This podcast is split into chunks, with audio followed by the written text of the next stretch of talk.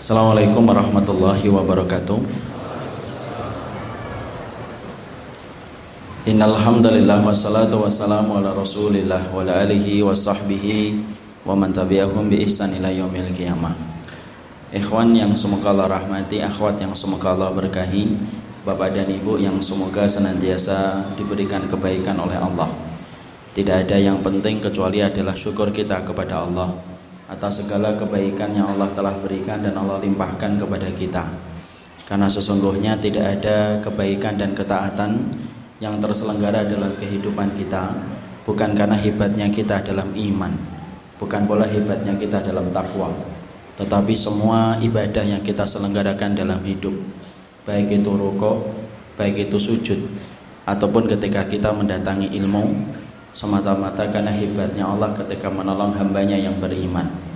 Inilah yang menjadikan kita bersyukur, tidak perlu menyombongkan diri dari ibadah yang kita selenggarakan. Tidak perlu menempok dada dari apa yang sudah kita kerjakan. Karena sesungguhnya ibadah kita semata-mata hebatnya Allah ketika menolong hamba yang Allah pilih dan hamba yang Allah cintai. Makanya kita selalu membaca satu ayat 17 kali dalam satu hari. Karena butuh wa karena stain. Kenapa disebutkan kata nastain setelah kita mengucapkan kata nak butuh? Maka sesungguhnya ahli tafsir menyampaikan karena sesungguhnya ibadah kita tidak akan mampu kita lakukan dalam kehidupan kecuali karena pertolongan yang Allah berikan dalam kehidupan kita. Inilah yang menjadikan kita bersyukur setiap waktunya, setiap saatnya. Mungkin kita sering bertanya, kenapa setiap kajian ilmu selalu didahului sebuah nasihat untuk senantiasa bersyukur kepada Allah. Karena sesungguhnya kita harus paham karakternya saya dan karakter antum itu sama. Bahwasanya kita adalah manusia. Hasan Al Basri rahimahullahu taala beliau pernah ditanya, bagaimana karakter manusia itu. Maka Hasan al Basri itu berkata, sesungguhnya karakter manusia itu dua aslinya. Yang pertama, ya'uddul masaib.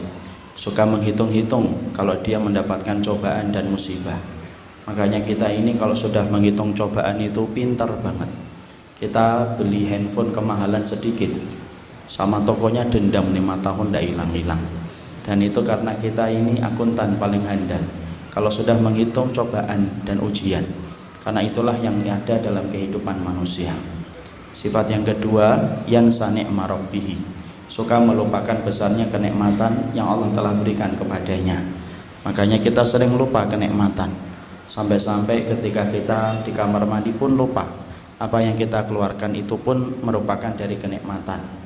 Makanya antum paham kenapa kita habis dari kamar mandi membaca gufronaka Padahal kalau kita pikir kita ngapain di kamar mandi kok tiba-tiba keluarnya istighfar. Ternyata Syekh bin Bas mengatakan keluarnya kita dari kamar mandi membaca gufronaka karena banyak di antara kita ini lupa bahwasanya nikmat ketika bahwasanya mengeluarkan kotoran itu merupakan kenikmatan dari Allah. Dan itulah yang menjadi sifat dasar manusia bahwasanya dia suka lupa amnesia kalau sudah bicara tentang kenikmatan dari Allah. Makanya majelis ilmu apabila kita selenggarakan itu pengen merubah dari karakter aslinya, dari karakter yang asalnya amnesia terhadap kenikmatan, kita rubah supaya kita menjadi akuntan paling handal untuk menghitung setiap kenikmatan yang Allah telah berikan kepada kita. Dan inilah kesyukuran kita, kita datang dan berkumpul pada majelis ilmu pada kesempatan Tuhan kali ini merupakan bagian dari upaya supaya kita menjadi hamba Allah yang bersyukur dan kita amnesia terhadap cobaan dan ujian karena cobaan Allah hanyalah seujung kuku. Tetapi kenikmatan yang datang dari Allah itu seluas samudra tidak patut apa yang menjadi seujung kuku menghilangkan samudra kenikmatan yang besar yang Allah berikan dalam kehidupan kita kepadanya kita bersyukur kepadanya kita menggantungkan segala urusan dalam kehidupan kita dan kepadanya kita memohon supaya Allah tidak meninggalkan kita walaupun sekejap mata. Amin insya Allah. Sebelum kita menyampaikan apa yang menjadi tema yang akan kita bahas dalam kesempatan duha kali ini, saya ingin menyampaikan dan mengkoreksi sebentar. Tapi sebelum saya menyampaikan koreksi saya, saya menyampaikan terima kasih sebesar-besarnya kepada panitia masjid yang telah bersusah payah mengkondisikan takmir masjid Jenderal Sudirman dan para asatid dan para ikhwan-ikhwan yang ada. Maka kalaupun kita tidak bisa membalas kebaikan antum, semoga Allah melapisi keberkahan hidup antum di dunia dan di akhirat dan kepada setiap panitia doa kita dan kebaikan kita mengiri mereka. Maka setelah kita mengucapkan itu saya ingin mengkoleksi. Tadi ada salah satu ikhwan mengatakan ada ahlul ilmi yang datang. Maaf saya bukan ahlul ilmi. Saya hanyalah penyampai ilmu. Banyak kekurangan yang saya miliki dan saya tidak pantas disebut ahlul ilmi. Makanya saya harus luruskan. Karena sesungguhnya kriteria ahlul ilmi itu sangatlah berat. Apalagi kalau kita membaca apa yang disampaikan Ibnu Qudamah tentang definisi ahlul ilmi. Tetapi saya sangatlah jauh dari kriteria ahlul ilmi. Saya cuma menyampaikan ilmu. Semoga antum bisa memahami apa yang saya sampaikan supaya nanti kita saling bertemu dalam kebaikan dan berjumpa dalam kebaikan pula di akhirat kelak nanti insya Allah. Inilah yang menjadikan kita memahami. Kemudian yang kedua, sebenarnya bukan antum yang bahagia, tapi saya yang justru bahagia bertemu dengan antum semuanya. Ini merupakan hari yang pertama semenjak seumur hidup saya datang ke Purwokerto. Ternyata bukan hanya menduannya yang pernah saya makan, tapi ternyata sekarang saya melihat orangnya. Ternyata beda dari apa yang kemudian mungkin kita sering dengarkan. Masya Allah, untuk masyarakat yang ramah, untuk masyarakat yang baik. Semoga Allah selalu memberikan keberkahan pada masyarakat Purwokerto, memberikan kebaikan dan senantiasa melindungi kita dari segala makar jahat orang-orang yang berniat jahat untuk Islam dan kaum muslimin. Kepada Allah kita meminta perlindungan. Jangan lupa nanti menduannya ya. Barakallahu fiik. Hewan-hewan yang semoga Allah rahmati. Kalau antum mendengar kata jalan pintas, tadi disampaikan Ustadz Khalid, Insya Allah. Semoga Allah memberkahi beliau dengan ilmunya. Kita ini kalau mendengar kata jalan pintas, tentunya kita pasti senang. Karena jalan pintas itu identik dengan kemudahan dan identik dengan waktu yang kita ringkas. Biasanya kalau kita mendapatkan jalan pintas, perjalanan yang panjang dan jauh akan pendek ketika kita mendapatkan jalan pintas kita ke Purwokerto yang biasanya standarnya 6 jam di Bekasi dari Bekasi. Tapi kalau kita mendapatkan jalan pintas mungkin bisa tiga jam. Yang biasanya perjalanan tiga jam menjadi satu jam. Karena memang jalan pintas itu kalau disebut identik dengan kebahagiaan ketika kita menghemat waktu dan menghemat tenaga. Bahkan saking kita senangnya dengan jalan pintas kita itu menyebut tikus itu biasanya tidak senang tapi kalau kita nisbatkan tikus itu kepada jalan, jalan tikus, biasanya kita senang. Padahal biasanya kalau di rumah ada tikus itu sebelnya luar biasa.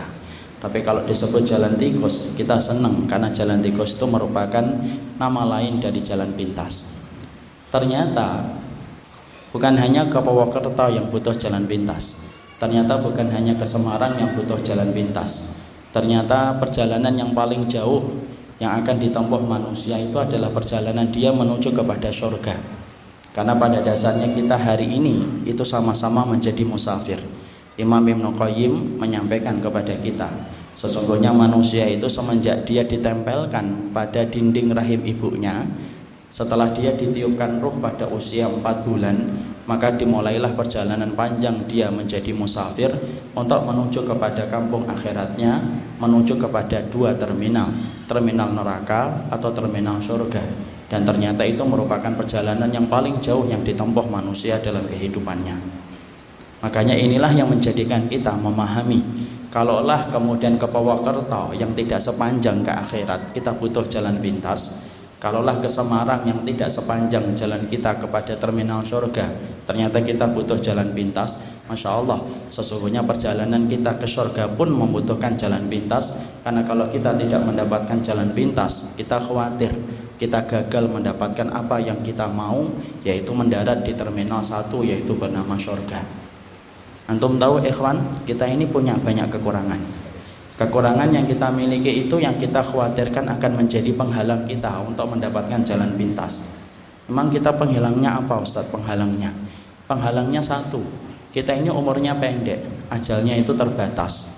Kita mendapati umur yang diberikan oleh Allah kepada kita selaku umatnya Nabi tidak sepanjang umat-umat sebelum Rasul. Kita hanya diberikan umur 40 sampai 50, 50 sampai 60, 60 sampai 70 dan sedikit sekali yang melewati angka 70 tahun. Kita bisa bayangkan dibandingkan dengan umurnya Nabi Nuh 1650 tahun kita ini cuma 70 tahun. Itu pun kalau ada yang sampai menyentuh 70 tahun. Padahal kita hari ini banyak yang meninggal mendadak. Ada yang ceguan tiga kali meninggal dunia. Ada yang main futsal meninggal dunia. Dan ternyata itulah yang kita khawatirkan. Ternyata modal yang kita kumpulkan kadang-kadang tidak bisa banyak. Karena waktu yang kita miliki itu tidak terlalu panjang sebagaimana umat sebelum Rasul sudah lagi ditambah bahwasanya kondisi hati kita itu tidak selalu semangat. Makanya kalau antum perhatikan ikhwan, ternyata semangat itu punya musim. Bukan hanya buah yang punya musim, semangat pun punya musim. Ada musim-musim kita kemudian bersemangat, ada musim-musim kita itu redup semangatnya. Kadang-kadang kalau kita lagi semangat betul, masya Allah, pengennya itu sholat tahajud itu dari habis isya sampai subuh. Kalau lagi semangat, tetapi kadang-kadang kita mengalami masa lesu. Masa lesu itulah yang disebut dengan masa futur. Masa futur itu adalah masa lesu ketika kita beribadah. Mending sholat malam dari isya sampai subuh. Kadang-kadang cuma sholat dua rakaat saja. Habis maghrib aja terasa berat. Kenapa? Karena ternyata ketaatan itu punya musim. Ada musim yang bernama futur yang menimpa kita sampai menyebabkan kita malas melakukan ibadah. Ditambah lagi bahwasanya kita ini memiliki penyakit. Penyakit yang Allah berikan dan Allah sapa kepada setiap orang itu menjadikan kita meninggalkan ibadah.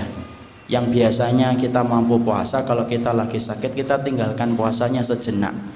Yang biasanya sholat malam kita tinggalkan sejenak sholat malamnya karena kondisi kita tidak fit dan tidak prima.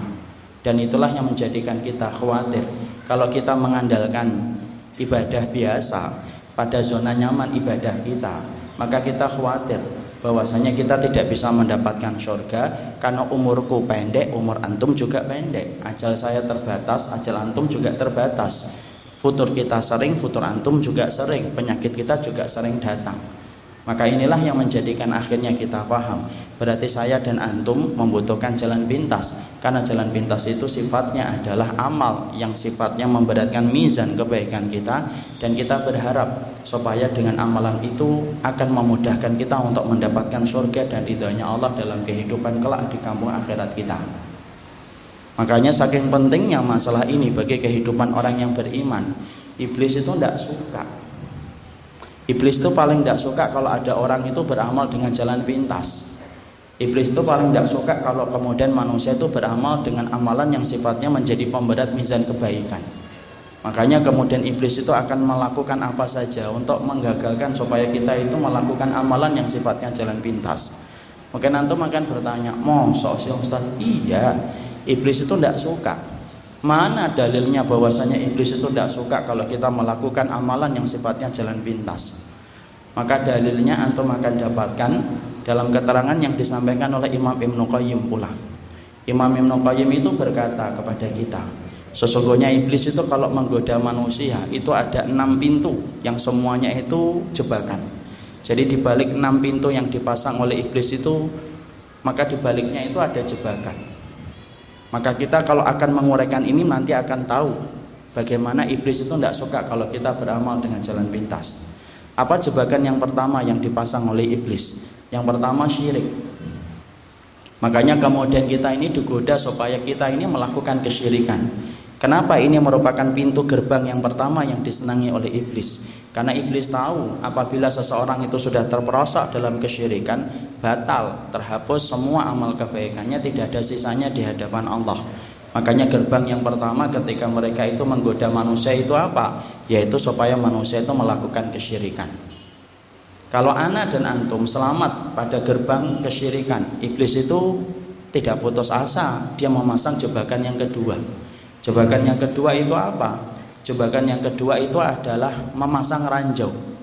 Yang sifatnya dari ranjau itu adalah menjebak kita untuk sibuk dalam perkara yang tidak dicontohkan dan tidak disunahkan oleh Rasulullah SAW supaya kita sudah sibuk dengan perkara itu kita tidak sempat melakukan yang benar dan kita tidak sempat melakukan perkara yang dicontohkan oleh Rasulullah Sallallahu Alaihi Wasallam kita selamat nih di pintu yang kedua iblis itu tidak meninggalkan kita putus asa bawa koper nangis-nangis enggak tetapi iblis itu tetap kemudian menjebak kita dengan jebakan yang ketiga Jebakan yang ketiga itu apa? Yaitu adalah kita ini digoda dengan dosa-dosa besar. Makanya dosa-dosa besar itu ngepung dalam kehidupan kita. Antum perhatikan ikhwan. Dosa-dosa besar itu strateginya iblis itu gimana? Iblis itu ketika menggoda kita dengan dosa-dosa besar, satu, bagaimana dosa-dosa besar itu dirubah namanya. Dari nama yang dulunya menjijikkan, kemudian dirubah namanya dengan nama-nama yang tampaknya tidak lagi menjijikkan. Supaya ketika kita tidak lagi memandang jijik dosa-dosa besar itu akhirnya orang dan manusia itu bisa melakukan dosa-dosa itu tanpa dia sadari. Makanya perhatikan hari ini dosa itu bereinkarnasi dia berubah casingnya tetapi bentuknya tetap sama. Yang dirubah itu namanya supaya kita tidak merasa jijik. Contoh Ustaz. Oke contoh. Kita lihat kan orang zina. Sekarang tidak disebut zina. Disebutnya apa? ML Padahal itu hukumnya itu adalah sama zina, tapi kemudian dirubah. Karena kalau disebut zina itu kan kita langsung bergidik bulu kuduk kita ketika mendengar kata zina. Orang homo tidak dipanggil homo hari ini disebutnya kaum pelangi, kaum LGBT, ya kan? Kalau disebut kaum pelangi kan tampaknya masya Allah pelangi gitu kan, LGBT tampaknya ilmiah. Padahal dulu ketika saya di SD itu menyebutnya itu hombreng, sudah hombreng saja. Dan itu kemudian berubah. Kemudian BTS tidak disebut dengan BTS sekarang. Disebutnya apa?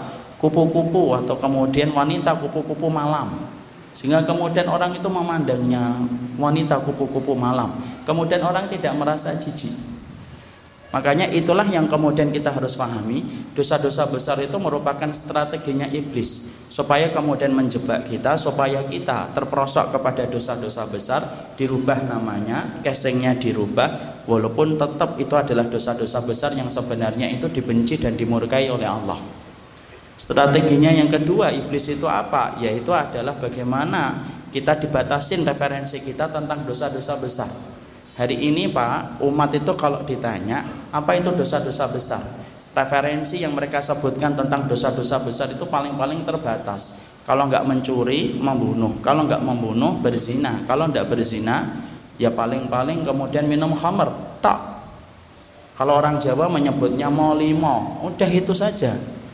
Padahal dosa-dosa besar itu hanya lima itu, enggak. Kalau kita membaca Al-Quran dan membaca hadis, Imam Ad-Dahabi itu menyampaikan setiap dosa apabila disertai dengan kata laknat maka itu dosa besar. Dan ternyata dosa-dosa besar itu sifatnya ada berapa jumlahnya? Jumlahnya itu lebih daripada 70 ada 70 dosa-dosa besar. Padahal biasanya kalau kita ditanya sebutkan dosa-dosa besar 15 saja. Kadang-kadang kita juga tidak punya menyebutkan Kenapa referensi kita tentang dosa-dosa besar sekarang menjadi sempit? Yang menyempitkan referensi kita tentang dosa-dosa besar itu iblis. Makanya akhirnya ketika kita sempit referensinya tentang dosa-dosa besar, akhirnya kemudian bisa jadi orang itu melakukan dosa besar tetapi dia tidak sadar kalau itu dosa-dosa besar. Kalau kita selamat di jebakan yang ketiga, maka iblis itu akan menggoda kita dengan dosa-dosa kecil yang dianggap remeh. Jangan diremehkan dosa-dosa kecil. Dosa-dosa kecil itu sebagaimana Nabi mengatakan, "Iyyakum wa muhaqqiratid dunub." Kama sali qaumin nazalu bi fulatin minal ardi jama'u lahu hataban fa lahu naron. Perumpamaan dosa kecil itu sebagaimana kamu itu mendapati musafir singgah di satu tempat, kemudian mereka akan bermalam di tempat yang mereka singgahin. Mereka ingin membuat api unggun. Mereka mengumpulkan ranting, maka semakin banyak rantingnya semakin besar nyala api unggun yang akan tercipta. Dan sesungguhnya dosa-dosa kecil itu ya kayak ranting yang dikumpulkan musafir ketika akan membuat api unggun. Makanya inilah yang disebut dengan dosa-dosa kecil. Makanya Syekhul Islam itu pernah ditanya mana yang lebih bahaya dosa besar tetapi disertai dengan penyesalan atau dosa kecil tetapi tidak pernah menyesal Maka Syekhul Islam itu menjawab dosa kecil yang disesali, dosa kecil yang tidak disesali itu jauh lebih berbahaya daripada dosa besar tetapi disesali, tetapi tidak disesali. Saking bahayanya dosa-dosa kecil. Dan ingat, tidaklah gunung tercipta kecuali karena kerikil dan tanah yang terkumpul. Makanya tercipta gunung. Dan tidaklah dosa besar itu terjadi kecuali karena dosa kecil yang kita kumpulkan, kemudian kita tidak merasa menyesal dan meremehkannya. Kalau kita selamat di pintu jebakan yang keempat, iblis tidak putus asa. Tuh lihat, iblis saja sabar. Makanya antum kalau beriman dan saya beriman itu sabar. Oh, iblis saja sabar. Kemudian iblis itu menjebak kita dengan jebakan yang kelima. Jebakan yang kelima itu apa? Perkara mubah dibuat bagaimana berlebihan. Makanya kita disibukkan dengan perkara mubah. Karena kemudian kalau kita gagal digoda dengan syirik, gagal digoda dengan perkara yang tidak dicontohkan Rasul, gagal digoda dengan dosa besar dan dosa kecil, iblis itu semakin mengendorkan dan semakin melembutkan strateginya supaya kemudian tetap manusia itu gagal untuk memasuki surga. Makanya yang kelima, kita ini digoda supaya kita melakukan perkara mubah yang berlebihan. Contohnya apa perkara mubah yang berlebihan? Banyak. Ngobrol mubah atau tidak mubah? Mubah tapi ngobrolnya dari isya sampai subuh. Nah itu perkara mubah yang berlebihan. Mungkin ada yang berkata saya tidak pernah ngobrol Ustaz dari isya sampai subuh. Iya tapi WA nya online dari habis isya sampai subuh. Sama aja. Itu termasuk perkara mubah yang berlebihan. Di mana kalau kita melakukan perkara itu itulah yang menjadikan kita habis waktu habis kesempatan dan tidak bisa mengerjakan apa pun amalnya disebabkan sudah sibuk dengan amalan-amalan mubah yang berlebihan. Contoh lagi apa perkara mubah yang berlebihan. Makan mubah tapi berlebihan. Ke Semarang hanya makan soto balik lagi ke Purwokerto. Nah, itu mubah yang berlebihan. Mancing mubah mancing itu mubah ikhwan.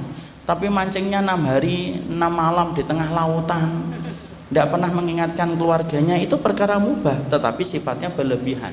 Dan itulah yang kemudian kita dapatkan sesungguhnya iblis itu yang kelima akan menyibukkan kita dengan perkara mubah yang berlebihan kalau kita gagal, kemudian digoda dengan pintu yang kelima, iblis itu akan mendekat kita dan menghapus menghasut kita dengan jebakan yang keenam.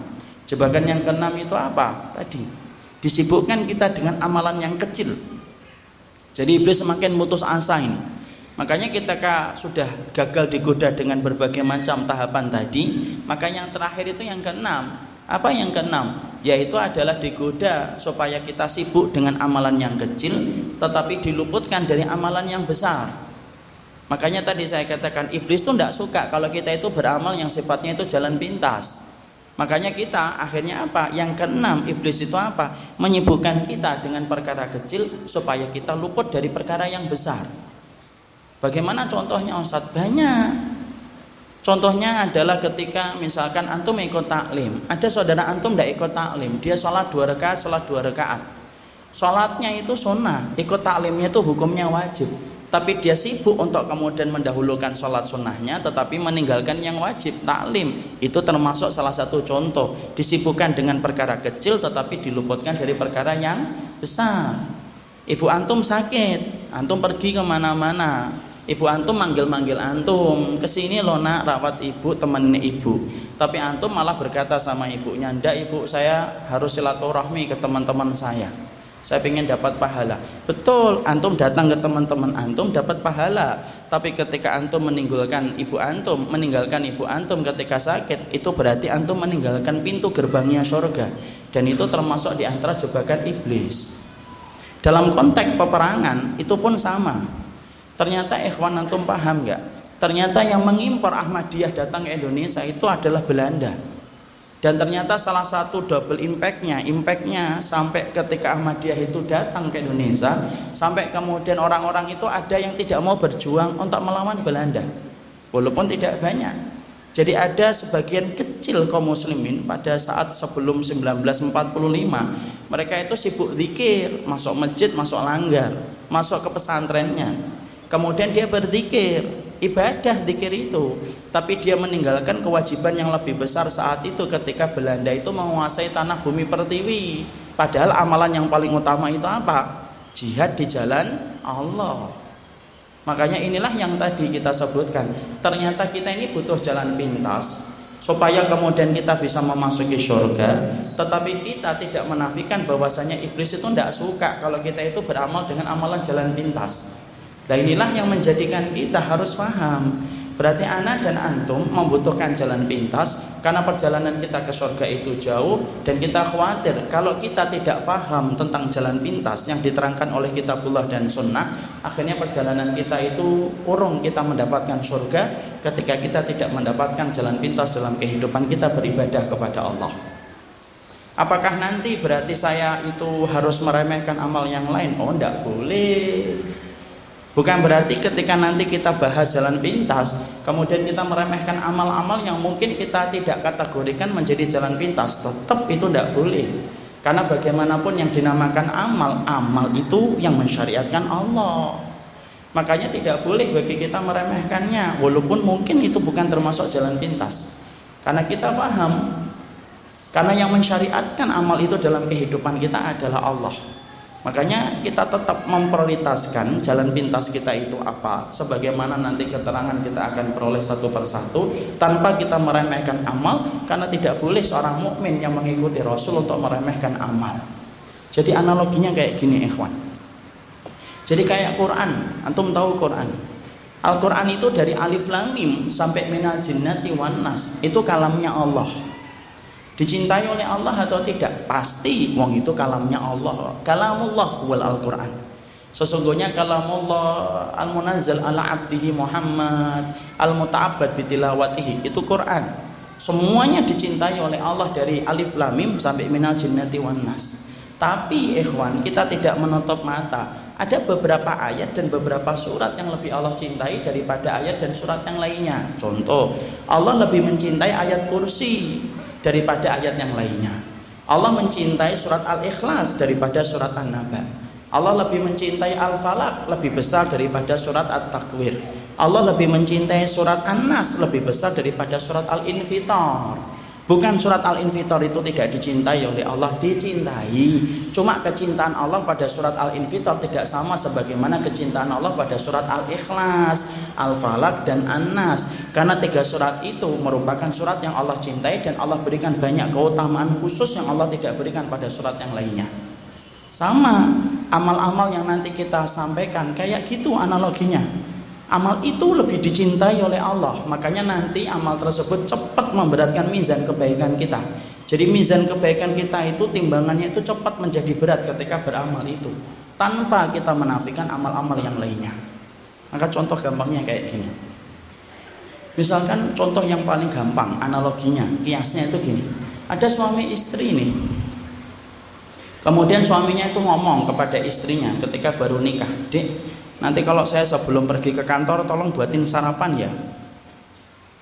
Karena saya ingin sarapan yang dibuatkan istri. Karena istri itu kalau masak pasti dengan cinta dan pengabdian. Mana kemudian istrinya ya. Bukannya saya itu tidak bisa beli sarapan di warung, bisa beli sekalian warung-warungnya saya juga bisa tapi saya ingin dibuatin sarapan oleh istri ini tipe suaminya agak songong dikitnya Kemudian istrinya mengalih siap, bi, saya akan masakan sarapan itu. Ternyata istrinya bisa masak banyak, masak soto bisa, mendoan bisa. Kemudian masak nasi goreng telur mata sapi setengah matang bisa, nasi uduk bisa. Kemudian pecel bisa. Ternyata dari semua menu-menu itu, ternyata yang paling disenangi sama suaminya itu pecel ditambah dengan mendoan. Itu seneng banget dia. Dia seneng banget itu. Ini contoh, bukan curhat ya, contoh. Saya ini kalau mau cerita ngambil contoh itu khawatir. Ini ustadznya curcol, enggak curcol, contoh ya. Maka ternyata istrinya hari-hari kemudian pertama dia buatin sarapan, tapi sarapannya nasi uduk. Ketika suaminya pulang dari masjid nasi uduk dibuka meja makan nasi uduk senang atau tidak senang? Senang, cuma bukan favoritnya. Makan, makan habis habis. Nambah? Enggak. Kenapa? Bukan makanan favoritnya. Kalaupun terima kasih terima kasihnya itu standar. Sembari dia jalan ke kantor dia berkata jazakillah khair ya mi. Sudah dibuatin uduk. Hari berikutnya ternyata dia buatin soto. Soto seneng tapi maaf bukan favoritnya. Ketika makan makan. Nambah? Enggak. Ketika terima kasih standar thanks ya ma. Sudah dibuatin soto. Misal. Dari bahasa Arab pindah ke bahasa Inggris ya, sekali-kali. Walaupun tahunya thanks doang. Maka kemudian standar. Tapi beda. Pada hari keberapanya tiba-tiba istrinya itu membuatin pecel ditambah dengan mendoan. Pulang dari masjid baru buka pintu sudah tercium pecel yang bercampur dengan bau mendoan. Matanya itu sudah berbinar-binar ketika ditelusuri baunya dibuka meja makan pecel plus mendoan masih hangat lagi Masya Allah. Maka kemudian dia makan makannya nambah.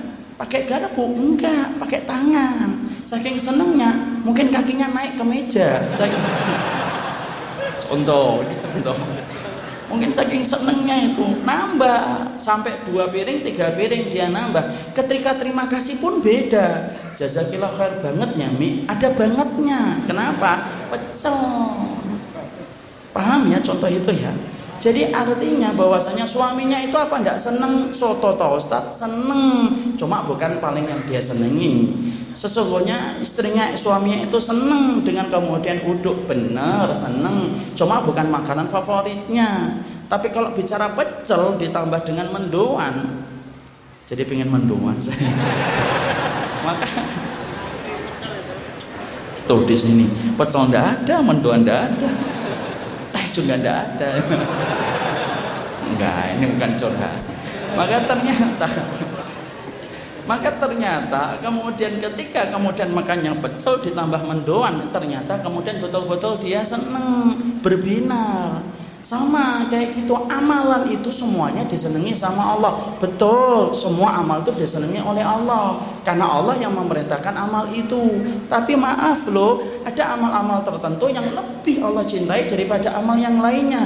Kewajiban anak dan kewajiban antum sama. Bagaimana kita mengetahui amal yang sangat dicintai oleh Allah supaya kita mampu beramal, supaya cepat memberatkan mizan kebaikan kita ketika ditimbang oleh Allah.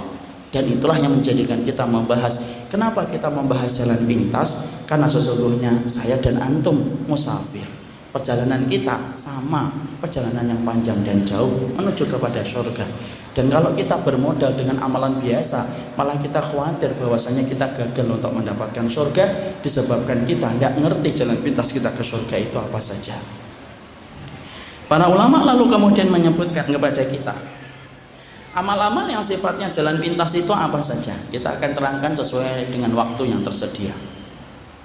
Maka para ulama saya ambilkan pembahasan ini di dalam referensi kitab Ahbabullah yang disusun oleh Abdul Badawi Al-Khalafi hafizahullah taala.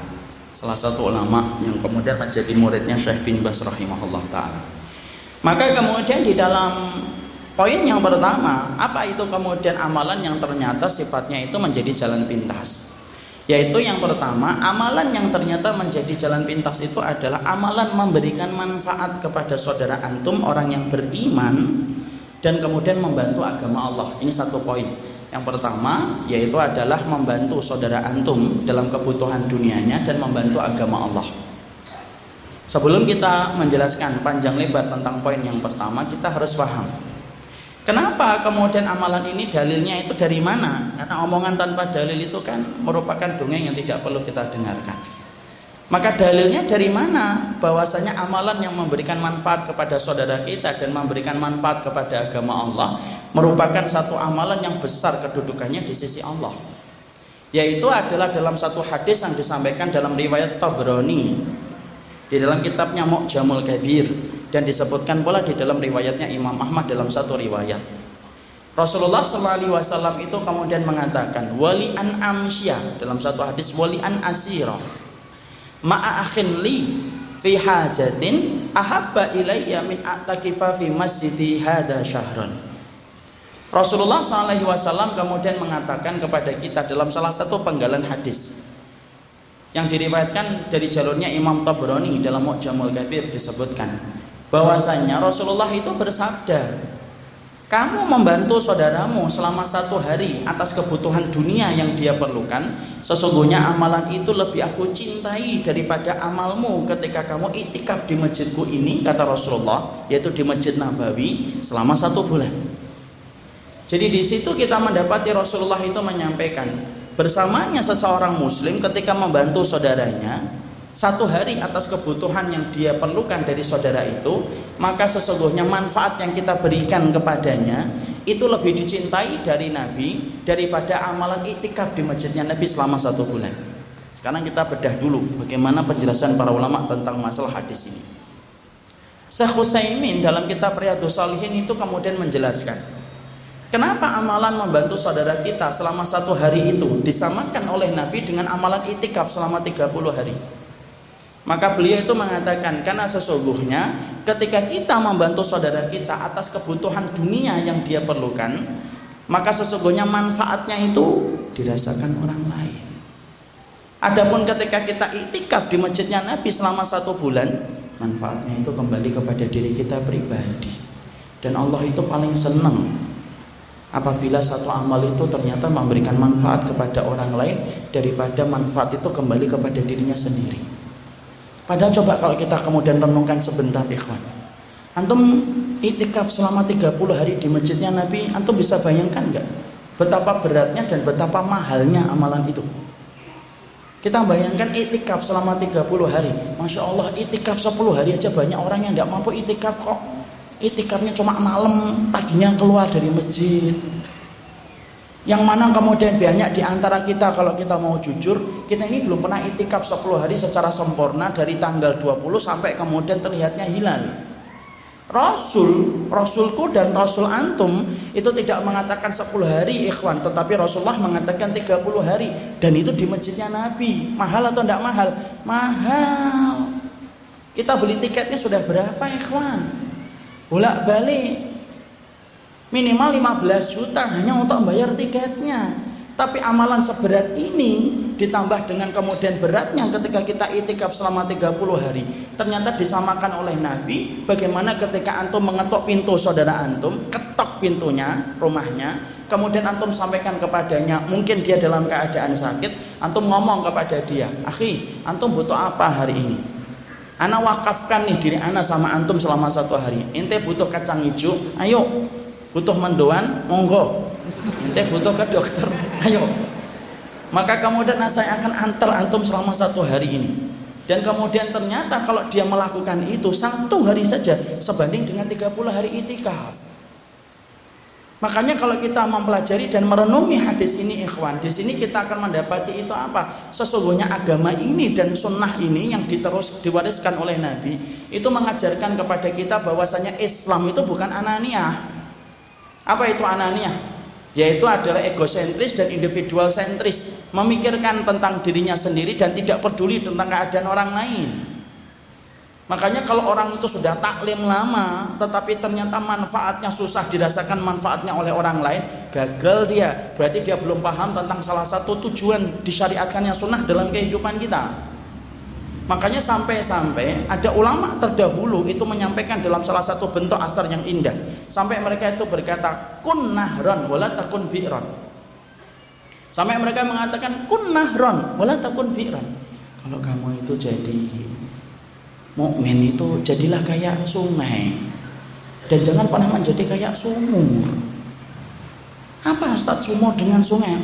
Manfaatnya itu loh, akhi. Manfaat sumur dengan sungai itu kan beda. Kalau antum kemudian melihat sumur, sumur itu manfaatnya susah untuk diambil lagi. Ketika kita kemudian ingin ngambil airnya, harus pakai modal. Modalnya apa? Timba sama pompa. Antum nggak punya timba, nggak punya pompa, wah salam, dia akan naik itu air. Antum liatin aja, dia akan naik dia. Kita pakai renang, mentok kita pakai untuk mancing nggak bisa lah. Mau ke mana nak? Mancing di mana? Sumur. Ibunya langsung geleng-geleng ya Allah anak saya harus dirukyah ini. Mancing di sumur. Ya untuk membuang kotoran. Ah, masya Allah satu keluarga marah itu sumur. Tapi masya Allah beda dengan sungai ikhwan Sungai itu kemudian gampangnya memberikan manfaat. Masya Allah ya ulama itu kalau sudah melihat sesuatu detail apa yang luput dari pandangan kita itu dilihat oleh mereka. Itu loh ahlul ilmi itu kayak gitu. Beda dengan sungai kata para ulama. Sungai itu gampang memberikan manfaat kepada saudara-saudaranya. Dipakai untuk ngambil airnya, tidak usah pakai modal. Antum pakai timba, tidak usah pakai pompa, diketawain orang. Tinggal cawok pakai kemudian tangan, dapat airnya pakai renang monggo. Dipakai nyuci baju silahkan. Sampai dibuang kotoran saja kita membuang kotoran di sungai. Sungai itu setia mengantarkan kotoran kita ke tempat yang jauh. Tidak usah dibayangin. Itu sungai ikhwan Makanya kalau orang kemudian sudah memahami tentang ini, masya Allah, betapa indahnya Islam dan betapa tidak ada orang yang sedih di dalam kehidupan Islam kalau orang itu paham ini.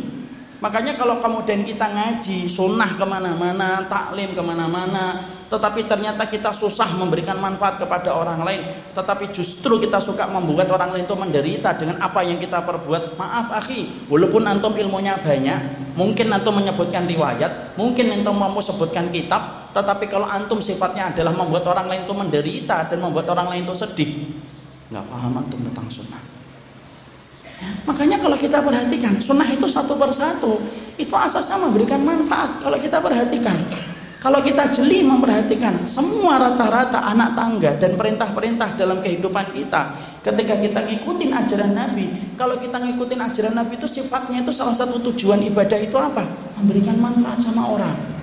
Antum disuruh senyum sama saudara antum dan dikatakan sodako, tuh manfaatnya kembali sama orang kita disuruh untuk berbuat baik sama tetangga supaya tetangga kita mendapatkan manfaat dari kita.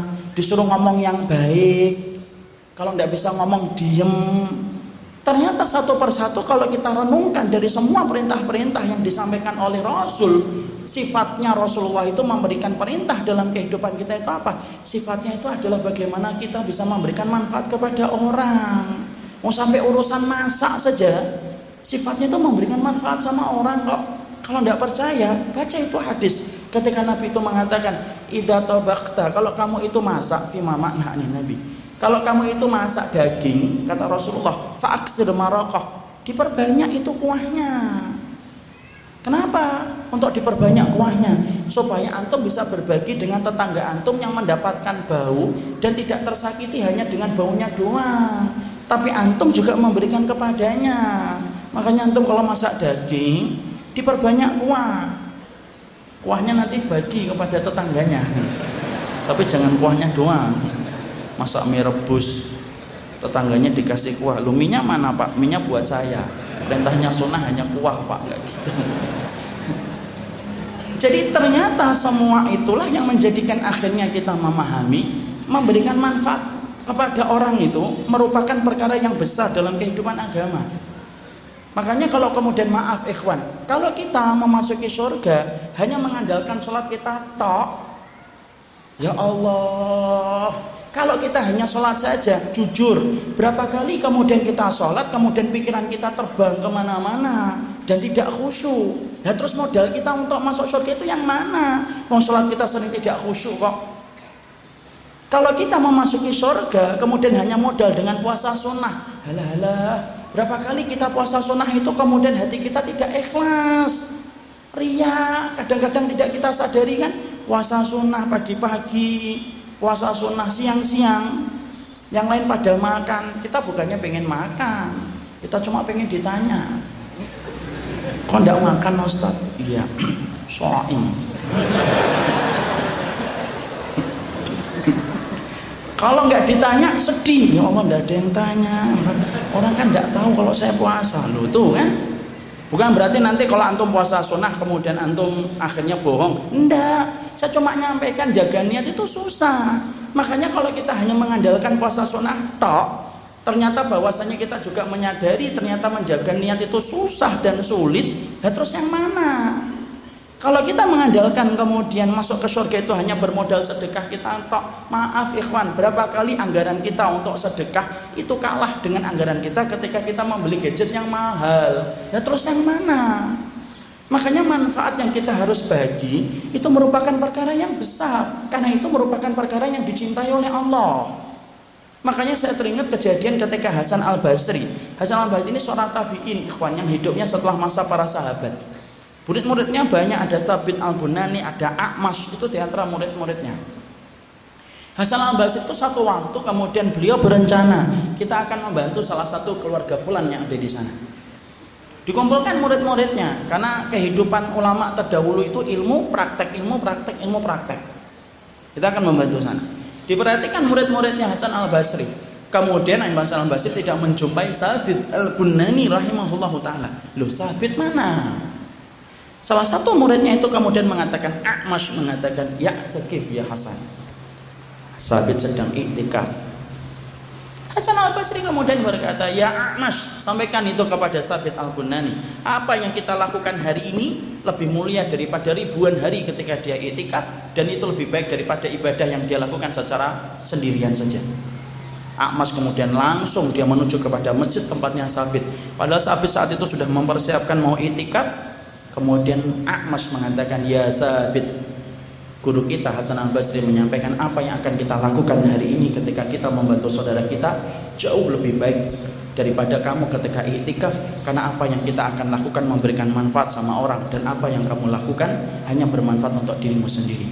Langsung sabit seakan-akan mendapatkan ilmu yang baru yang tidak pernah dia ketahui sebelumnya.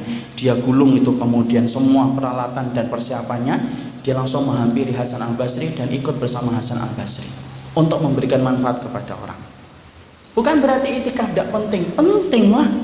Kita kemudian disunahkan untuk itikaf kalau kita mampu. Tetapi yang menjadi garis besar perhatian kita adalah bagaimana ketika kita menjalankan agama. Ikhwan, jangan hanya memperhatikan apa yang manfaatnya kembali kepada diri kita. Tapi sekali-kali kita memikirkan apa manfaat yang kita berikan kepada saudara kita. Orang-orang yang sudah taklim, alhamdulillah, biasanya itu sudah terbentuk dengan kata-kata begini, saya belum dikir pagi, saya belum duha. Bagus, masya Allah, itu sesuatu yang sifatnya bagus dan itu sesuatu yang sifatnya luar biasa. Tapi jangan hanya itu, tapi juga kita memikirkan apa manfaat yang sudah kita berikan kepada orang lain karena sesungguhnya manfaat itu yang kemudian sebanding dengan 30 hari itikaf.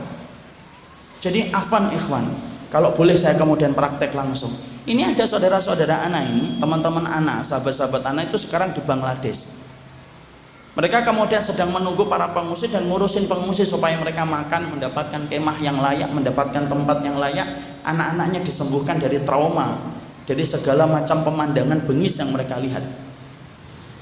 Ada yang 10 hari, ada yang 20 hari, ada yang satu bulan, ikhwan. Yang namanya relawan itu Masya Allah, tidak enak, risikonya banyak. Maka mereka contohnya misalkan pergi 10 hari, pergi 10 hari saja. Antum kalikan 30 ikhwan. 10 hari kali 30, 10 hari kali 30 sama dengan 300 hari. Berarti kalau ada teman kita pergi membantu saudaranya ini di Bangladesh contohnya yang konkret, kemudian dia pergi Senin, Selasa, Rabu, Kamis, Jumat, Sabtu, Ahad, Senin, Selasa, Rabu, Kamis sudah bersama lagi dengan keluarganya, ikhlas dia melakukan itu karena Allah, itu sebanding dengan 300 hari itikaf. Padahal kalau kita bayangkan 300 hari itikaf itu berat atau susah? Berat ikhwan. Antum mampu nggak 300 hari itikaf? Sholat, dikir, puasa, tidur, bangun, sholat lagi, dikir lagi, puasa sampai 300 hari. Dan itu bukan sesuatu yang gampang. Kenapa ya Ustadz kita tidak pernah kepikiran tentang amal itu? Tetapi sering kepikirannya amalan sholat duha kita saja Sering kepikiran dikir paginya saja Ya karena sesungguhnya tadi saya sampaikan. Kan tadi kita menyampaikan iblis itu tidak suka. Ketika kita beramal yang sifatnya itu amal itu merupakan jalan pintas. Makanya Masya Allah Itulah yang menjadikan kita akhirnya memahami. Tolong ikhwan perhatikan. Sesungguhnya kehidupan kita Ketika kita ingin mengharapkan surga Tetapi kita minus memberikan manfaat kepada orang lain Maka sesungguhnya kita jauh dari surga Karena sesungguhnya amal kita. Begitu susah untuk diberatkan mizan kebaikannya Ketika kita jarang memberikan manfaat kepada orang. Ya makanya saya tuh ingat kan Ada salah satu ikhwan ini kisah nyata. Antum tahu nggak jarak Bintaro dengan Bekasi itu cukup jauh? Sekitar hampir 50 kilo kalau perjalanan lancar itu hampir 40 menit. Kalau macet itu bisa sampai satu jam sampai dua jam lebih. Ada itu ketika saya baru pindah ke Bekasi sekitar lima tahun yang lalu. Tiba-tiba saya ditelepon malam-malam. Sabtu malam Ahad saya ditelepon. Ketika ditelepon beliau mengatakan Ustaz besok ngajar di mana? Kemudian saya sampaikan besok itu ngajar ada enam. Ada enam tempat yang saya ajar lalu kemudian apa ini? Masya Allah. Padahal saya cuma contoh ya Masya Allah. Saya malah penasaran ada mendoannya enggak ini. Sudah Ustaz. Kalau Insya Allah. Beliau memberikan manfaat ini. Lebih baik daripada itikaf tiga hari Masya Allah saya minum dulu gitu. Menghargai beliau yang sudah susah payah.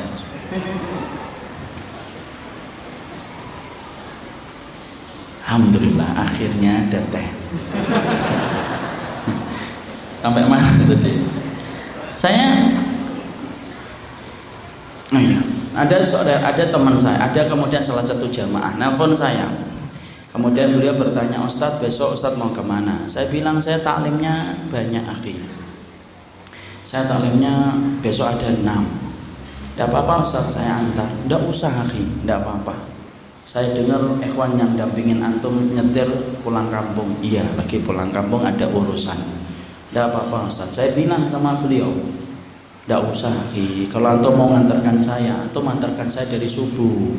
Setengah empat subuh antum siap apa di depan rumah saya? Siap insya Allah Ustaz. Saya pikir ah biasa. Mungkin tidak jadi kemudian saya tutup teleponnya. Tidur saya istirahat. Pagi jam 3 sudah bangun persiapan untuk kajian subuh karena hampir tiap hari ada kajian subuh. Kemudian mempersiapkan kemudian setengah empat pagar saya itu dikotak tek tek. Saya buka tirai kamar tamu ternyata beliau sudah ada di depan saya di depan rumah saya. Masya Allah. Saya bayangkan ini orang ini bangunnya jam berapa? Mungkin setengah tiga mungkin jam dua maka kemudian perjalanan dimulai dari subuh kemudian duha kemudian duhur, sampai kemudian malam. Sepanjang perjalanan hari itu selalu saya tanya, antum kenapa sih dampingin saya akhi? Emang antum tidak ada hari libur aja? Bersama keluarga ada Ustaz. Istri antum tidak marah, antum nemenin saya? Enggak. Anak-anak tidak butuh apinya, butuh Ustaz. Semuanya sudah saya kondisikan. Dan tidak pernah membuka jawaban dan kartu. Kenapa dia saat itu hari itu menemani saya selama satu hari? sampai selesai itu akhi selesainya itu jam setengah sepuluh. Pulang ke Bekasi jam sebelas. Setengah sebelas sampai rumah. Setengah sebelas sampai rumah dia harus balik lagi ke Bintaro. Padahal perjalanan satu jam. Maka setengah dua belasan lebih dia sampai. Saat itu belum ada WA masih BBM kemudian dia BB saya. Alhamdulillah Ustaz sudah sampai di rumah.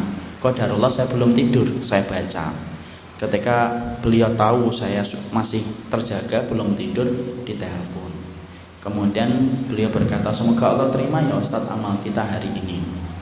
Amal antum dakwahnya diterima amin. Amalan saya nemenin antum diterima ya Ustadz amin. Saling mendoakan akhir karim. Maka kemudian beliau akhirnya membuka kartu. Ustadz kenapa saya menemani antum hari ini? Saya teringat Ustadz hadis yang disampaikan dalam riwayatnya Ibnu Umar bahwasanya membantu saudaranya selama satu hari itu lebih baik dari itikaf selama satu bulan. Saya Ustaz belum pernah haji. Saya belum pernah umroh. Kalaupun saya ditakdirkan mati muda Ustaz saya ingin banget ketika saya mati muda saya pernah mencicipi bagaimana rasanya amalan itikaf selama 30 hari. Di ujung telepon tuh saya tidak bisa komentar apa-apa. Saya cuma mikir satu saja orang ini jatuh cinta sama surganya. Makanya sampai semua usaha dilakukan untuk menembus bagaimana dia bisa sampai ke surga. Kita ikhwan saya ngambil cerita ini seiring dengan doa saya kepada beliau untuk menggambarkan kepada kita Masya Allah hal-hal semacam ini nih yang sering kita lupa dalam perjalanan kita dalam kehidupan. Kita memperhatikan taklim bagus. Kita memperhatikan kajian mumtaz. Subhanallah dan Masya Allah tapi terkadang kita lupa manfaat apa yang kita bisa berikan kepada saudara kita. Padahal itu merupakan salah satu amal yang sangat dicintai oleh Allah. Satu hari sebanding dengan 30 hari itikaf. Itu baru membantu saudara. Apalagi membantu agama Allah. Membantu agama Allah itu termasuk salah satu amalan yang besar. Syekh Utsaimin di dalam Riyadhus Shalihin berkata, termasuk di antara amalan yang besar pahalanya di sisi Allah itu membantu agama Allah. Kenapa dakwah itu menjadi bagian terbesar? Orang yang amalnya itu besar pahalanya di sisi Allah karena membantu agama Allah. Makanya kemudian kita pun sama. Kita pun dituntut untuk membantu agama Allah sesuai dengan kemampuan kita. Kalau memang antum tidak mampu untuk kemudian berdakwah, antum masih bisa membuka pintu-pintu yang lainnya. Karena kalau satu pintu tertutup, bukan pintu-pintu yang lainnya tertutup. Masih bisa kita lakukan apa pun yang kita kerjakan supaya kita bisa ikut serta di dalam masalah ini supaya mendapatkan pahala yang besar. Contoh ikhwan, antum tahu nggak hari ini, masya Allah ya, dakwah ini sangat luar biasa dibutuhkan oleh umat. Tetapi kita hari ini ikhwan banyak umat itu yang hanya memetik manis tetapi tidak pernah menikmati prosesnya ketika membentuk dai. Rata-rata kantong-kantong umat di mana-mana itu menikmati hasilnya doang. Ada ustadz yang bagus, undang, panggil. Ada yang ustadz bagus, panggil. Tapi kemudian kita lupa bagaimana menikmati prosesnya untuk membentuk dai. Padahal dengan kita mengikuti prosesnya, mengikuti dai, maka pahalanya itu besar. Dan itu Masya Allah berat di dalam mizan kebaikan kita ikhwan. Contoh nih, antum nih, antum saya ingin pahamkan antum ya. Hari ini adik-adik kita yang sekolah di Timur Tengah, entah itu di Madinah, entah di Mekah, entah di Mesir, entah di Yaman, itu tidak sampai 7 ribu loh akhirnya. Nanti mereka pulang, kemudian ngampus 180 juta penduduk dengan berbagai macam latar belakangnya yang tujuh ribu ini belum tentu rukun semua. Ada yang sukanya itu bertengkar. Ya kan? Tujuh ribu ini. Antum bisa bayangkan betapa beratnya perjalanan dakwah di masa mendatang. Yang kita khawatirkan anak-anak kita.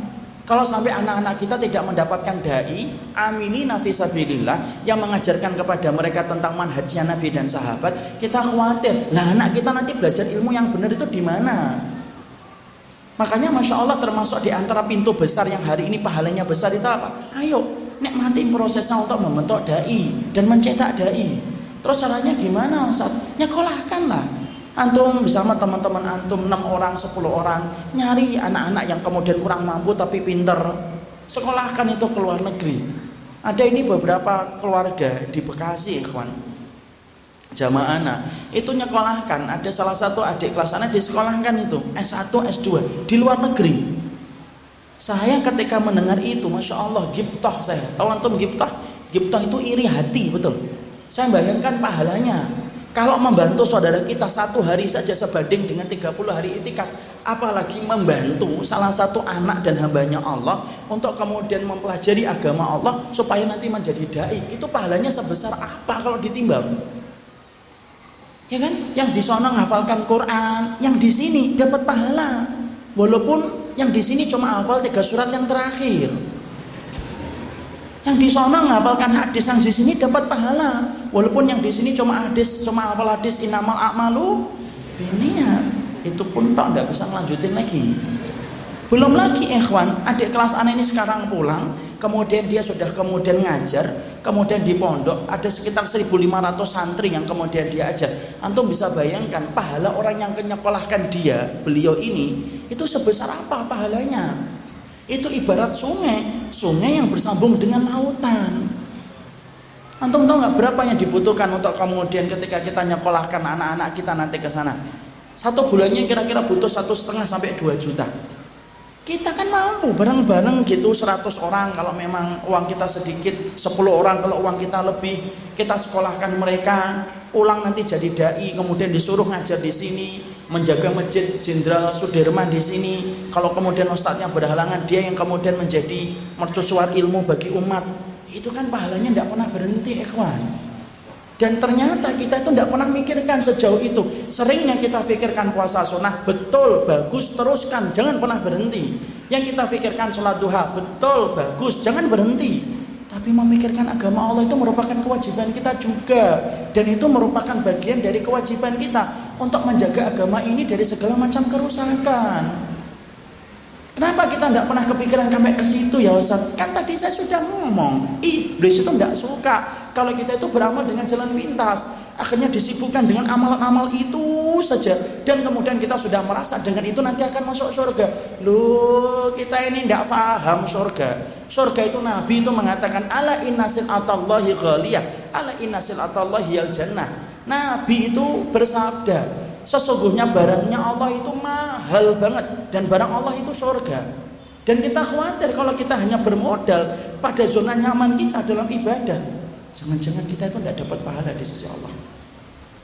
Ketika mizan kita kita tidak terlalu berat.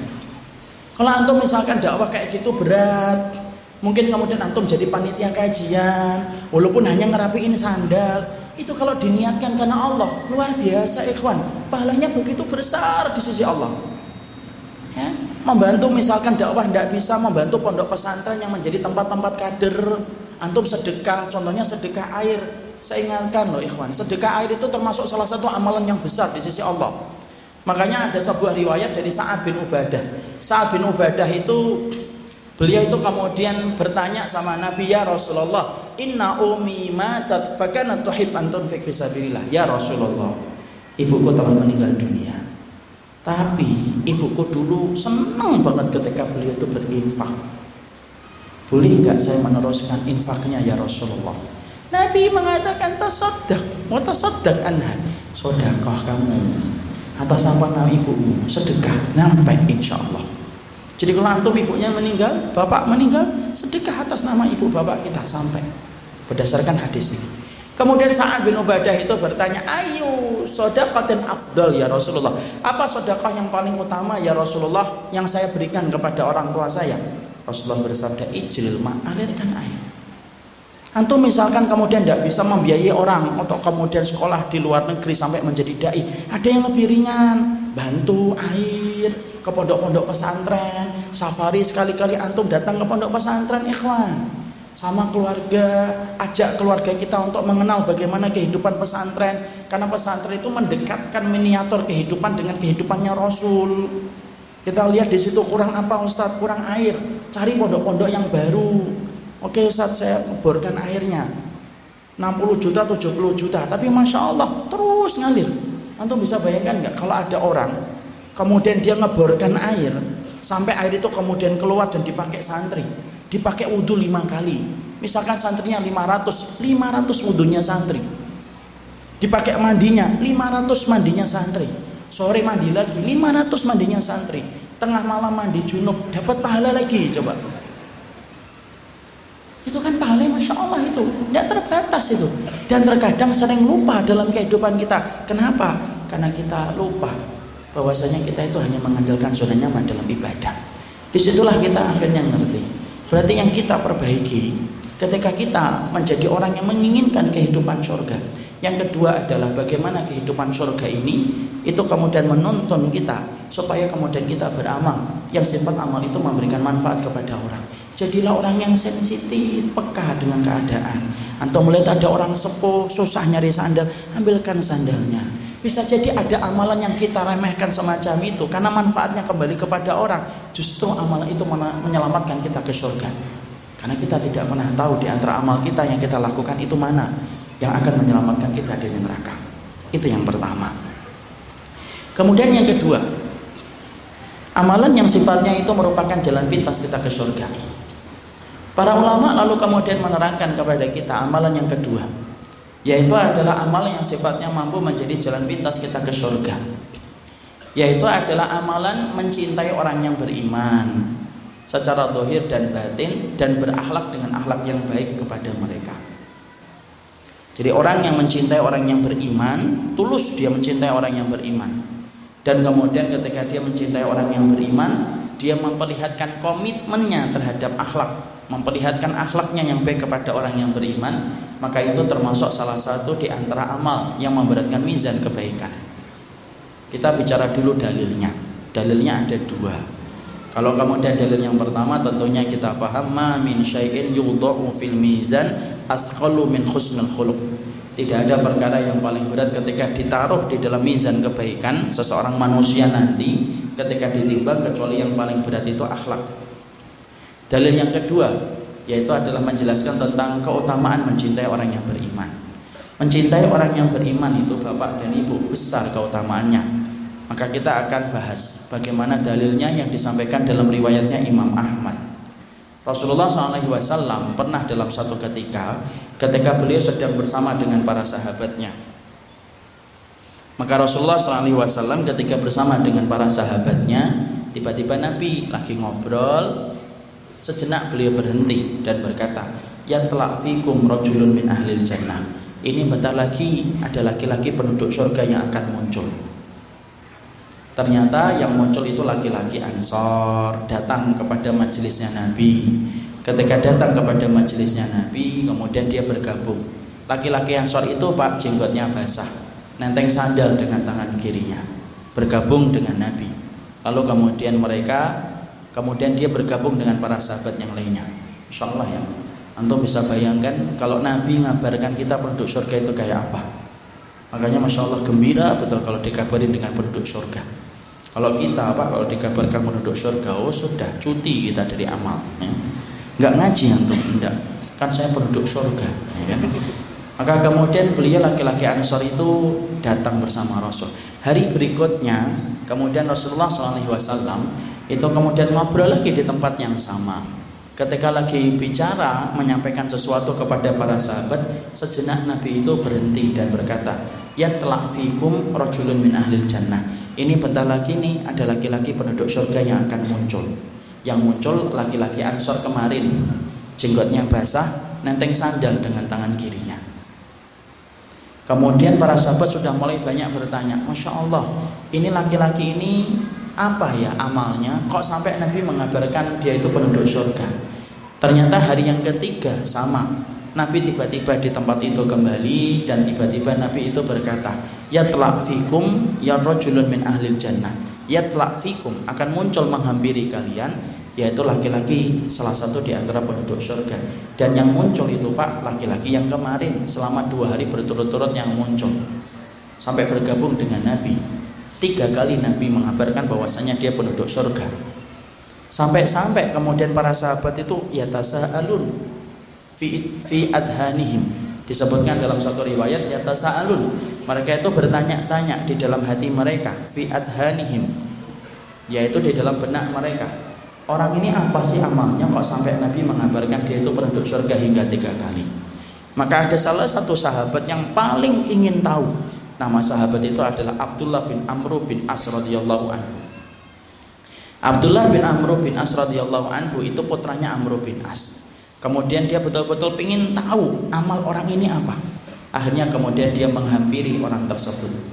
Menghampiri laki-laki Ansor itu dan berkata, Wahai laki-laki Ansor, wahai ya Ansor, boleh nggak saya tidur di rumahmu? Barang tiga hari saja, karena sesungguhnya saya lagi ada masalah dengan bapakku. Dan aku ingin untuk istirahat sejenak dari masalah yang aku hadapi ketika aku di rumahmu. Laki-laki Ansor itu berkata silahkan silahkan kamu tidur di rumahku.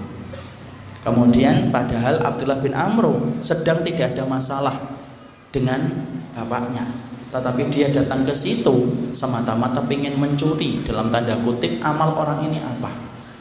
Dimulailah perjalanan itu tiga hari itu. Dimulai hari pertama habis isya Masjid Nabawi pulang. Mereka berdua ke rumah. Abdullah bin Amro sempat merasa ini pasti orang ini sholat tahajudnya luar biasa. Penduduk surga tiga kali lagi Nabi mengabarkan ternyata setelah habis sholat isya mereka pulang ngobrol sebentar di rumah. Setelah ngobrol sebentar di rumah lalu kemudian ternyata laki-laki Ansor itu tidur. Abdullah bin Amr kaget loh kok tidur? Penduduk surga nggak sholat tahajud. Kemudian dia merasa oh mungkin nanti tengah malam sholat tahajudnya. Kemudian Abdullah bin Amr pura-pura tidur tapi sebenarnya tidak tidur. Masya Allah ya semangatnya sahabat kalau nyari ilmu kayak gitu. Kalau kita ini di majelis ilmu tidur ya kalau beliau ini sengaja tidak tidur untuk mendapatkan ilmu beliau lihat beliau perhatikan gitu dan ternyata sahabat Ansor itu hanya gelisah saja di waktu tengah malam, gelisah sebentar, kemudian dia duduk berzikir, kemudian dia terbaring kembali tidur sampai subuh tidak tahajud, masya Allah. Seorang penduduk surga tidak tahajud. Ini kabar gembira bagi antum yang jarang tahajud. Alhamdulillah, inilah dalil yang saya cari. Kalau ada yang kayak gitu saya masya Allah istighfar pak ya Allah. Ya, nanti kalau kemudian tengah malam dibangunkan istrinya, ayo bi bangun lo, ndak ikut kajian tadi duha. Nggak gitu. Maka kemudian ternyata sampai pagi nggak tahajud. Oh kemudian Abdullah bin Amr merasa, oh pasti amalnya habis subuh ini. Dari nanti duha ke asar, ke maghrib, ke isya. Terus itu ternyata amalannya biasa. Malam kemudian ditunggu lagi. Oh ini pasti akan mengganti sholat tahajud yang kemarin. Ternyata malam yang kedua kembali dia tidak tahajud. Sampai berturut-turut tiga hari tidak pernah tahajud. Antum bisa bayangkan tidak pernah tahajud selama tiga hari berturut-turut. Maka Abdullah bin Amr bin As itu sempat bertanya-tanya, loh kok bisa ada orang yang dikabarkan Nabi sebagai penduduk surga hingga tiga kali, tapi ternyata dia tidak tahajud. Karena kemudian tidak tahu jawabannya, Abdullah bin Amr bin As kemudian merasa ya sudahlah. Berarti kemudian mungkin dia menyembunyikan amal ibadah yang dia kerjakan dan dia lakukan. Datang dia ngomong dan akhirnya buka kartu. Sebenarnya saya itu tidak ada masalah dengan bapakku tapi saya itu ke sini sebenarnya pengen tahu apa sih amalmu yang kamu lakukan karena Nabi mengabarkan bahwasanya kamu itu penduduk surga hingga tiga kali. Tapi ternyata ketika aku datang ke sini selama tiga hari, aku tidak menjumpai sesuatu yang istimewa dari perbuatan yang kamu lakukan. Kemudian laki-laki Ansor itu berkata, kalau kamu melihat amalku ya begitu, tidak ada yang istimewa dan tidak ada yang aku tutup-tutupin. Abdullah bin Amr bin As merasa gagal mendapatkan jawaban. Kemudian Abdullah bin Amr bin As pamit. Pamit dia. Lalu kemudian dia ingin bola. Gagal mendapatkan ilmu dari apa yang dia niatkan. Dalam perjalanan baru beberapa langkah dia berjalan, tiba-tiba laki-laki Ansor itu manggil kembali. Sini. Kecuali satu kamu harus tahu. Apa? Hatiku tidak pernah hasad kepada orang yang beriman.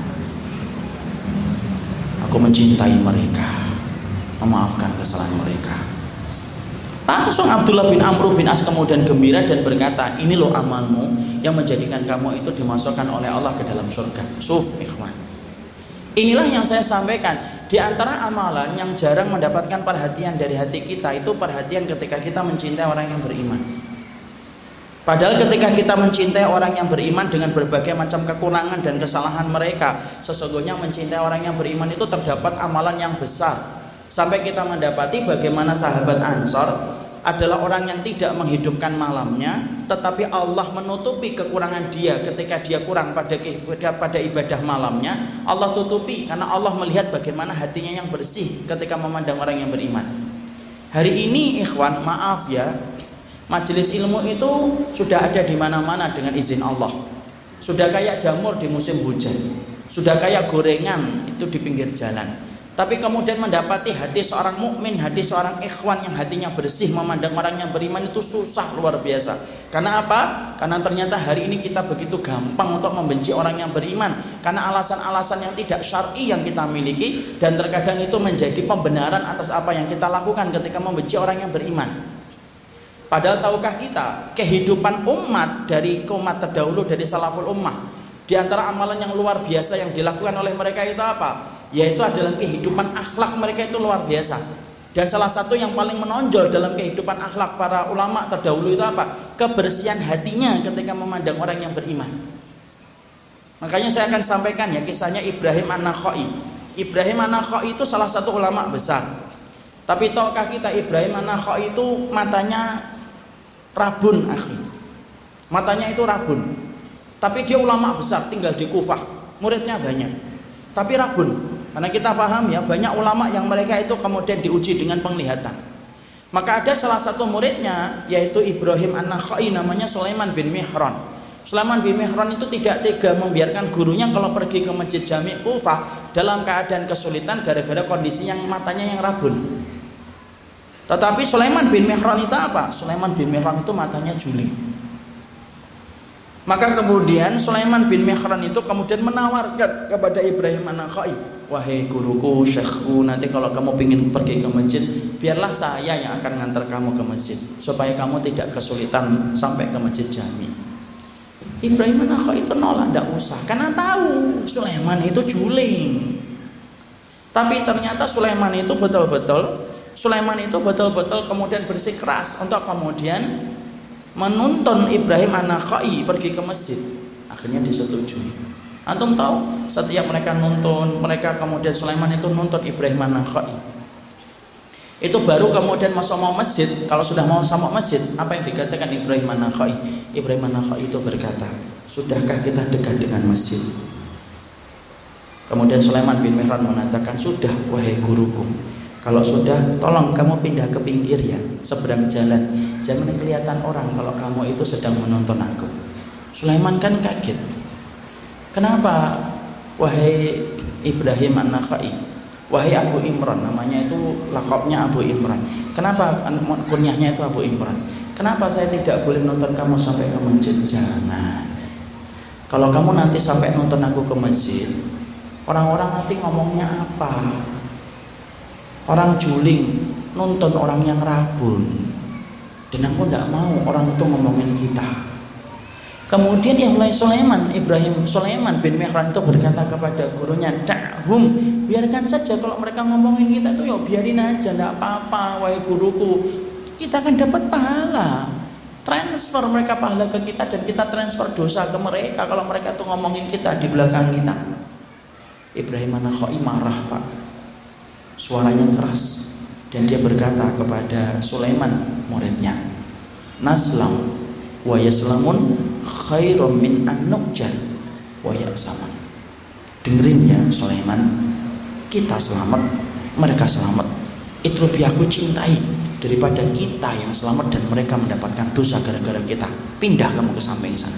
Insya Allah Sulaiman tertegun dan dia tidak menyadari bahwasanya gurunya luar biasa hatinya bening ketika memandang orang yang beriman itu loh yang kita harus pahami apa yang disampaikan Rasul dalam kehidupan kita yang paling penting itu apa Pak? Salah satunya kehidupan akhlak. Dan salah satu di antara bentuk kehidupan akhlak itu yang paling penting itu apa? Mencintai orang yang beriman. Makanya kemudian Abdullah bin Mubarak itu berkata apa? Kami mempelajari ilmu 20 tahun. Kami mempelajari akhlak 30 tahun. Ruwayyim itu sampai ngomong kepada anaknya. Ruwayyim itu salah satu ulama salaful ummah itu sampai ngomong, "Ij'al ilmaka daqiqan waj'al adabaka ij'al ilmaka milhan waj'al adabaka daqiqan." Sampai kemudian Ruwayyim itu ngomong sama anaknya, "Nak, nanti kalau kamu sudah berilmu, kalau kamu sudah bisa beramal, jadikanlah ilmu dan amalmu bagikan garam dan jadikanlah tepung adonannya itu sebagaimana kamu itu beradab dan berakhlak. Kita paham Pak, kalau ada petugas martabak, ada tukang martabak membuat adonan. Biasanya kemudian adonan itu tepungnya itu yang banyak. Garamnya itu hanya ditaburi di atasnya saja. Ruwayim ngomong, ilmumu jadikan kayak garam. Akhlakmu jadikan kayak tepung. Dan tepung itu porsinya jauh lebih banyak prosentasenya daripada garam. Karena garam itu hanya ditaburi saja. Di situlah kita paham kehidupan akhlak itu merupakan kehidupan yang penting. Dan salah satu di antara kehidupan akhlak kita Pak mencintai orang yang beriman. Makanya kalau anak dan antum ikut taklim, ikut ilmu, itu apakah kemudian menjadi halal begitu? Kemudian kita membenci orang? Kalaupun kemudian kita mendapati ada sesuatu yang sifatnya di situ ada perbedaan, ya wajar. Selama perbedaan itu berdasarkan kepada dalil yang benar. Kecuali tidak memiliki dalil, maka kita pun mengingatkan dengan cara yang baik. Kenapa? Karena mencintai orang yang beriman itu pahalanya besar. Anak ketika menjadi ustadz lalu halal gitu bagi anak untuk menghormati untuk menodai kehormatan orang lain, tidak halal akhi. Karena sesungguhnya kehormatan seorang mukmin itu kita diwajibkan untuk menjaganya. Makanya tentunya antum sering saya sampaikan kan berkali-kali, kita makan riba itu yang paling ringan dosanya adalah sebagaimana berzina dengan ibu kita. Tapi ketika dosa riba itu, riba itu ada 73 pintu. Yang paling berat dari dosa riba itu apa? Menodai kehormatan orang yang beriman. Jadi maaf loh kalau ada perempuan itu di pinggir jalan dia nawarkan dirinya untuk dijamah sama hidung sama laki-laki hidung belang 60 kali dia berzina itu lebih ringan dosanya daripada ketika kita menodai kehormatan fulan ketika kita terjang kehormatannya padahal kehormatan orang mukmin itu harganya mahal sedih saya kalau lihat hari ini taklim itu kemudian hanya menjadi ajang bagi kita untuk menodai kehormatan orang yang beriman seakan-akan kita lupa bahwasanya menodai kehormatan orang yang beriman itu dosanya besar lebih besar daripada zina kita takut sama riba, tapi tidak takut untuk menodai kehormatan orang yang beriman. Maaf, berarti kita ini kemudian dibisiki setan sampai tidak ngerti bagaimana prioritas kita ketika meninggalkan dosa. Ngajinya anak dan antum, maka kemudian menjadikan kita saling mencintai. Kalaupun ada saudara kita yang melakukan kesalahan, bukankah kalau kita mencintai mereka, cara mengingatkannya pun harus dengan cara yang baik. Karena kita tidak bisa menyalahkan ikhwan. Jangan mencela kegelapan kalau kita tidak membawa lentera. Jangan suka kemudian kita menodai kehormatan ketika kita tidak pernah menegakkan kewajiban kita kepadanya. Karena ini yang kemudian hilang dalam kehidupan hari ini ketika kita berilmu. Ikhwan, antum tahu nggak? Orang itu kalau sudah saling mencintai, saling mengingatkannya pun baik. Antum lihat aja suami istri kalau saling mencintai. Suami istri itu ikhwan kalau sudah saling mencintai. Masya Allah, kata-katanya itu lembut betul. Suami istri kalau saling mencintai itu. Coba kalau suami istri itu baru saling mencintai itu. Kadang-kadang suaminya ngomong, "Dek." Istrinya langsung, "Ya, Mas." Tuh, langsung paham. Baru dek doang. Kenapa? Hati mereka lagi dekat. Kadang-kadang istrinya ngomong, "Mas." Oh iya ya, lupa martabaknya. Padahal baru Mas doang. Kadang-kadang lakinya, "Dek." Ya, Mas, Insya Allah. Tuh kan? Kenapa? Karena hatinya lagi saling cinta. Orang kalau orang yang beriman, kalau kemudian kita saling mencintai sebagaimana perintahnya Allah dan Rasulnya untuk mencintai orang yang beriman. Masya Allah ikhwan, kalaupun kita ngingetin ada saudara kita yang salah, cara mengingatnya pun lembut sebagaimana suami istri itu kalau lagi cinta, cara mengingatkannya pun lembut dan nyampe ke hati. Tapi coba anda perhatikan kalau suami istri lagi marah-marahan. Suami istri itu lagi marah-marahan, ikhwan, masya Allah. Suaranya keras bertengkar itu sampai kedengeran sampai 20 rumah. Lu yang di dalam rumah tidak kedengeran. Ngomong apa mas? Ulangi lagi yang keras, cuman. Kenapa? Karena hati mereka lagi jauh. Makanya inilah yang menjadikan kita memahami betul.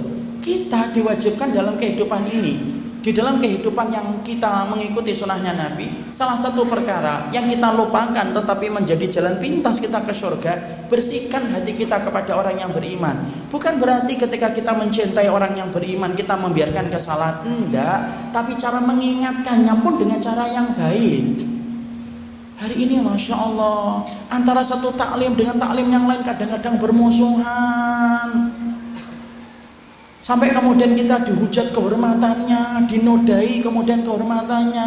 Pada seorang mukmin itu dijaga kehormatannya. Antum tahu, kenapa kalau kita akan memulai puasa hanya dibutuhkan satu saksi yang melihat hilal. Ketika Idul Fitri hanya dua saksi yang melihat hilal, cukup untuk menandakan besok Idul Fitri. Tapi antum tahu berapa banyak yang dibutuhkan saksi kalau kita akan mengatakan saudara kita berzina? Berapa orang saksi ikhwan? Empat. Lebih banyak daripada saksi yang dibutuhkan untuk mengatakan besok puasa, lebih banyak daripada saksi yang dibutuhkan untuk mengatakan besok Idul Fitri. Padahal kalau antum perhatikan, empat saksi itu susah nggak di, dihadirkan kalau ngeliat orang zina? Susah. Bisa nggak kita bayangkan empat orang gitu, bareng-bareng jenggotnya panjang tuh, masya Allah. Tuh. Biasanya dua, yang dua diajak nggak mau. Kenapa Allah itu sampai mensyaratkan empat saksi? Karena semangatnya Islam itu menutup dan menjaga kehormatan orang yang beriman.